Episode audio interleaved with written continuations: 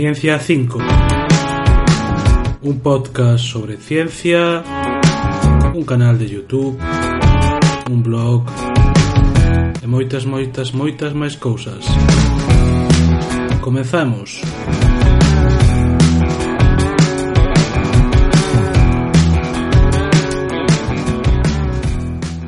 Ola, boas, que tal? Como estamos? Outra semana máis en Ciencia 5 E esta vamos a falar dúas noticias que saíron fai unhas semanas con respecto aos premios Nobel de Física, Química e Fisioloxía. Ben, a primeira vamos a falar de Química, as baterías de móviles e coches eléctricos ganan o Nobel de Química. Reciben o galardón o estadounidense John B. Gooden, Goodenough, Goodenough, Goodenough, o británico Stanley Whittingham e o xaponés Akira Yoshino. John Goodenough convirte aos 97 anos na persoa máis bella, de máis idade, en recibir un premio Nobel. Eh, a leer se está me dando moito malestar ahora mismo. Bueno, vamos a intentar gravar. As baterías de ións de litio que alimentan todo tipo de dispositivos móviles, de teléfonos a coches eléctricos, e que facilitan o aproveitamento eh, de enerxías renovables como son eólica, solar foron reconocidas co Premio Nobel de Química do ano 2019. Hoxe en día, utilizanse todo o mundo para alimentar os dispositivos electrónicos, portátiles que utilizamos para comunicarnos, traballar, escoitar música, buscar coñecemento. Para as futuras eh, usos, non? Para futuros usos, eh, permitirán almacenar eh, cantidades significativas de enerxía diferente índole e os premios Nobel recoñecen que foron posible, fixeron posible o desenvolvemento de coches eléctricos de longa autonomía. As baterías de ion de litio teñen a gran ventaxa de que non dependen de reaccións químicas que degraden os electrodos, En lugar diso, dependen de ións de litio que poden ir e vir entre o ánodo e o cátodo que lle permite recargar a batería pois as veces que se poda antes de que o seu rendemento se resinta. Foi Stanley Wickingham que iniciou nos anos 70 a ir a raíz da primeira crisis do petróleo a investigación que levou as baterías de ión de litio. Traballaba naquela época como investigador para o grupo petroleiro Exxon e empezou a buscar novas tecnoloxías enerxéticas que non utilizaran combustibles fósiles. O resultado foi unha batería que tiña un gran potencial, un pouco máis de 2 voltios. Sin embargo, o litio metálico é reactivo e a batería era demasiado explosiva como para ser viable. Jung, ou John, perdón, Jung no, John Guth Enoth, que traballaba entonces na Universidade de Oxford, Reino Unido, reflexionou como se podría aumentar esta eficiencia e reducir os riscos dunha batería basada en ións de litio razoou que obtería mellores resultados con sulfuro metálico que con óxido metálico e nos anos 80 demostrou que podía obter un gran rendemento de ata 4 voltios utilizando un óxido de cobalto con ións de litio intercalados. Akira Yoshino, inspirándose no traballo de Guzenov, pasouse no mesmo cátodo de óxido de cobalto con litio intercambiado intercalado, perdón, pero modificou o ánodo. En lugar de utilizar litio directamente, eh, recurriu a coque de petróleo, no que tamén se pode intercalar litio. Conseguiu así unha batería lixeira, resistente e recargable centos de veces. Como se carga e se descarga unha batería de ion litio? Bueno, durante unha carga, unha fonte de enerxía externa, a rede eléctrica, por exemplo, algúns ións de litio abandonan o electrodo positivo, o cátodo, que habitualmente é de óxido de cobalto e litio. E fluen, van, dende o electrodo negativo, o ánodo, o ánodo. Verdade que estou pelexando entre moscas que me atacan Estamos en pleno outubro. Bueno, continuamos. Eh, Con negativo ánodo, xeralmente de grafito A través do electrolitro. Os electróns tamén fluen dentro do todo positivo ou negativo Pero fano dentro do circuito externo. Cando os ións de litio chegan ao grafito Insertanse entre as capas atómicas deste material Donde se recombinan cos electróns Quedando o litio depositado ali. Durante a descarga Os ións van de regreso a través do electrolito dende o ánodo do grafito hacia o cátodo do óxido de cobalto e litio. Os electróns tamén fluen dende o ánodo do cátodo, pero fan a través do circuito exterior, alimentando un ordenador, un teléfono, que seña un equipo. Isto é así debido a que os electróns de litio no grafito están un potencial electroquímico máis alto do que tiña no óxido de cobalto e litio. E polo tanto baixen o seu potencial electroquímico, Razón pola que agora aportan enerxía ao circuito que se coñece, ou se que, o que se unan, vamos. Este exceso de enerxía é o que ceden ao circuito exterior, razón pola cal calquera dispositivo que este conectado á batería pode realizar a súa función. Cando todos os ións de litio desplazáronse de volta ao electrodo de óxido de cobalto e litio, a batería estará completamente descargada. Bueno, así moi brevemente de que consistiu este Premio Nobel de Química, Éramos co Nobel Premio Nobel de Física para os descubridores dos primeiros planetas extrasolares, as referencias como sempre estarán na carpeta de Dropbox. Michael Ma... Michael non. Mitchell Mayor, ou Michael, non sei. Michael, eh, americano, creo estadounidense, creo.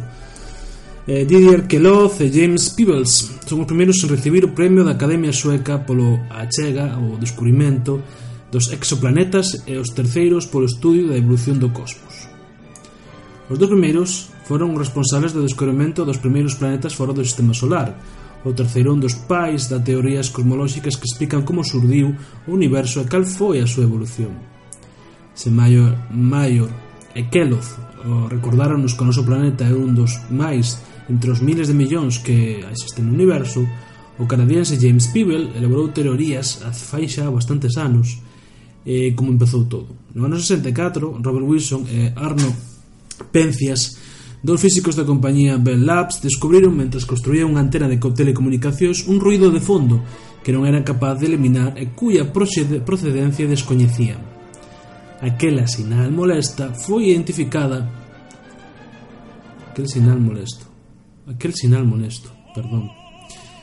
Foi identificado finalmente como fondo cósmico de microondas unha radiación fósil que era unha especie de, de eco, que chamouse eco do Big Bang o descubrimento, que tamén mereceu o Premio Nobel de Física, daba razón aos científicos que defenderan a idea de que o universo comenzou nun pequeno punto extremadamente cálido e denso, que se foi expandindo.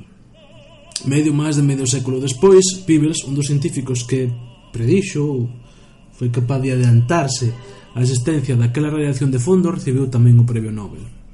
A técnica desenvolveron Mayo e Keyleth, e Keyleth chamada velocidade radial, consiste en medir como unha estrela se acerca e se alonxa da Terra a medida que un planeta orbita ao seu arredor e a atrae coa súa gravidade. Esta técnica foi utilizada despois con éxito por numerosos grupos de investigación, entre eles o Instituto de Ciencias do Espacio, que presentou fai dúas semanas un planeta xigante ao redor dunha estrela nana. Nana. Eh, ou, perdón, ou que detectou un planeta potencialmente habitable xunto a Próxima Centauri a estrela máis cercana ao sistema solar. Posteriormente, desenvolveuse outra técnica chamada de tránsitos que permitiu descubrir un gran número de exoplanetas. Consiste observar se o brillo dunha estrela se reduce periódicamente a medida que hai algún planeta que xira ao seu alrededor e se interpón entre ela e a Terra tapando así unha parte da súa luz resumen brevemente o que foi o Premio Nobel de Física Lamos co Premio Nobel de Medicina ou de Fisioloxía para os descubridores do sensor de oxígeno esencial na vida animal. Os estadounidenses Greg Semenza e William Kaelin e o británico Peter Radcliffe comparten o galardón. William Kaelin naceu no ano 57 en Nova York, obtivo o MD da Universidade de Duke, Durham. Realizou a formación especializada en Medicina Interna e Oncología na Universidade John Hopkins Baltimore e no Instituto de Cáncer de Dana Farber en Boston. Estableceu o seu propio laboratorio de investigación no Instituto de Cáncer Dana Farber e convertiuse en profesor titular na Escola de Medicina de Harvard no ano 2002. Investigador do Instituto Médico Howard Hughes dende 1998. Sir Peter eh, Ratliff naceu no ano 1954 en Lancashire, en Reino Unido. Estudiou medicina en Gonville eh, Caius College na Universidade de Cambridge e fixo a súa formación, formación perdón, especializada en nefroloxía en Oxford. Estableceu un grupo de investigación independente na Universidade de Oxford e convertiuse en profesor titular no ano 1996 e director de investigación clínica no Instituto Francis Crick de Londres. Director do Instituto Target Discovery en Oxford e membro do Instituto Lubitsch para a investigación do cancro. Greg Le Semenza naceu no ano 56 en Nova York e obtuvo o seu BA en Biología na Universidade de Harvard, Boston. Recibiu o doutorado eh, da Universidade de Pensilvania na Facultade de Medicina en Filadelfia no ano 1984. Formouse como especialista en pediatría na Universidade de Duke. Durham realizou capacitación postdoctoral na Universidade de John Hopkins, Baltimore, onde tamén estableceu un grupo de investigación independente. Converteuse en profesor titular na Universidade Johns Hopkins en 1999 e de 2003 é director do programa de investigación vascular no Instituto Johns Hopkins de Ingeniería Celular.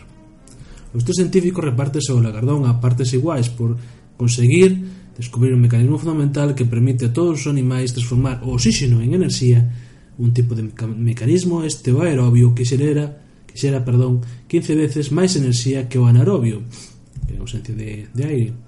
Os tres científicos desvelaron como as células son capaces de sentir os niveis de oxígeno no seu entorno e adaptarse a eles o metabolismo para que chegue máis oxígeno aos tecidos, aos tecidos, perdón. Estos achegas son base dos tratamentos actuais contra a anemia e os futuros fármacos contra o cancro.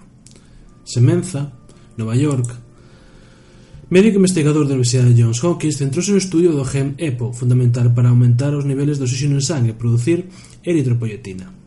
Esta proteína sintetízase nos riñóns e ao chegar a torrente sanguíneo promove a produción de glóbulos vermellos portadores de oxígeno. No ano 1991, Semenza desenvolveu ratóns transxénicos que levaban o xen EPO humano. En eles identificou unha secuencia xenética encargada de iniciar a produción de EPO cando baixen os niveles de oxígeno. Dous anos despois, Rack en Lancashire da Universidade de Oxford demostrou que este mecanismo está presente en todos os tecidos de todos os animais, unha universalidade que proba a súa importancia biolóxica. No 98, os ratóns de semenza foron capaces de desenvolver peas, glóbulos vermellos ou o sistema cardíaco, cando lles faltaba un complexo de dúas proteínas as que bautizou co factor inducible por hifoxia, coas súas siglas en inglés HIF. Iniciáronse grandes esforzos para purificar o complexo e no ano 95 Semenza puido publicar os algún das súas achegas claves, incluídas a identificación dos xens que codifican o HIF. Descubriu que esta HIF consistía en dúas proteínas de unión de ADN diferentes, chamadas factores de transcripción, agora chamados HIF1-alfa e ARNT. Agora os investigadores poderían comenzar a resolver o rompecabezas, permitiéndolles comprender que componentes adicionais estaban involucrados e como funciona a maquinaria.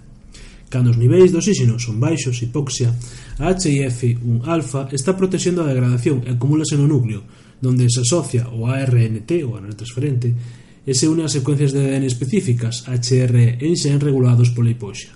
Pola hipoxia. A niveis normais de oxígeno, a proteasoma degrada rapidamente, eh, perdón, degrada rapidamente o HIF-1-alfa E o oxígeno regula o proceso de degradación mediante a adición de grupos hidroxilo, o H, a HIF1-alfa. A proteína VHL pode recoñecer e formar un complexo co HU, HIF1-alfa que conduce a súa degradación dunha maneira dependente do oxígeno. William Kaelin, en Nova York, oncólogo da Facultade de Medicina de Harvard, estudiaba por que algúns dos seus pacientes de cáncer presentaban un exceso de vasos sanguíneos nos riñóns Kaelin foi capaz de demostrar que estes pacientes tiñan desativado o xen VHL, que funciona como un interruptor que prevén o cancro.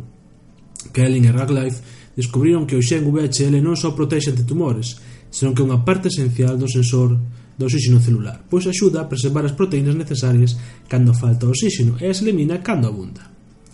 Todo este todo este sofisticado sofisticado sofisticado, non sei falar, a veces me olvido, sensor celular descrito por Semenza, Racklife e Keiling é esencial para o funcionamento dos músculos durante o esforzo intenso, a correcta resposta do sistema inmune, o desenvolvemento de novos vasos sanguíneos ou a formación do embrión e da placenta. O seu descubrimento tivo un impacto na medicina, por exemplo, no tratamento na anemia con EPO, ademais se demostrou que as células tumorais aproveitaban estes mecanismos para secuestrar o metabolismo celular e crecer moito máis rápido polo que se está investigando nos tratamentos para asfixiar ou guidarlles oxígeno aos tumores. Como repito, as referencias destes documentos están na carpeta de Dropbox. Un ano máis, todos os premios Nobel de Ciencias foron para homes, outro ano máis. Dende o ano 1901, só cinco mulleres gañaron un premio Nobel de Química 2,7% dos 184 galardonados. Resultados moi parecidos analizamos física ou medicina. Eh, este ano sonaba nas quinielas a estadounidense Caroline Bertozzi da Universidade de Stanford por desenvolver técnicas para visualizar procesos no interior de células, unha metodoloxía conocida como química bioortogonal que permitiu entender mellor enfermidades como o cancro. As apostas da Sociedade Científica Internacional, Sigma Xi, tamén incluían a Jennifer Doudna, investigadora da Universidade de California en Berkeley e madre revolucionada técnica de edición genética CRISPR, xunto á bioquímica francesa Emmanuel Charpentier, perdón, Charpentier ahora o, Instituto, ahora o Instituto Max Planck en Berlín. Ambas apoyaron en pioneiros traballos do microbiólogo español Francisco, Francis Mójica, do que xa falamos no seu momento cando falamos do CRISPR, cuyo laboratorio na Universidade de Alicante descubriu no ano 2003 un sistema de tixeiras moleculares que bacterias utilizan para defenderse dos virus. Estas mismas tixeiras se ven agora, tesoides, perdón, dixen tixeiras, por aquí onde vivo se dice palabra tixeiras, pero son tesoiras. Esas mesmas tesorias ven para editar o xenoma en calquer ser vivo con rapidez e facilidade e de maneira moi barata. A Sociedade Estadounidense de Química apuntaba a estadounidense Edith Flanagan, veterana da empresa Union Carbide e coñecida pola síntesis de esmeraldas e zeolitas, unhas pedras moi porosas empleadas para refinar o petróleo. Bueno, ahora vou deixar por esta semana porque estou resfriado, a Alexa está máis ben alerxa, Bueno, falemos un poquinho de to, dos premios Nobel moi brevemente Sempre podes seguir buscando, deixemos referencias para que leades e, e nada, moitas gracias por escoitarme Que teñades moi boa semana e moita ciencia Volvemos, perdoade que vos deixera xa fora de tempo E a partir da semana que vemos a facer un especial sobre Stephen Hawking Coa lectura do libro Historia do Tempo De Big Bang os buratos negros Eh, entón, vai ser hasta que termine a temporada, vale? Moitas gracias, moita ciencia.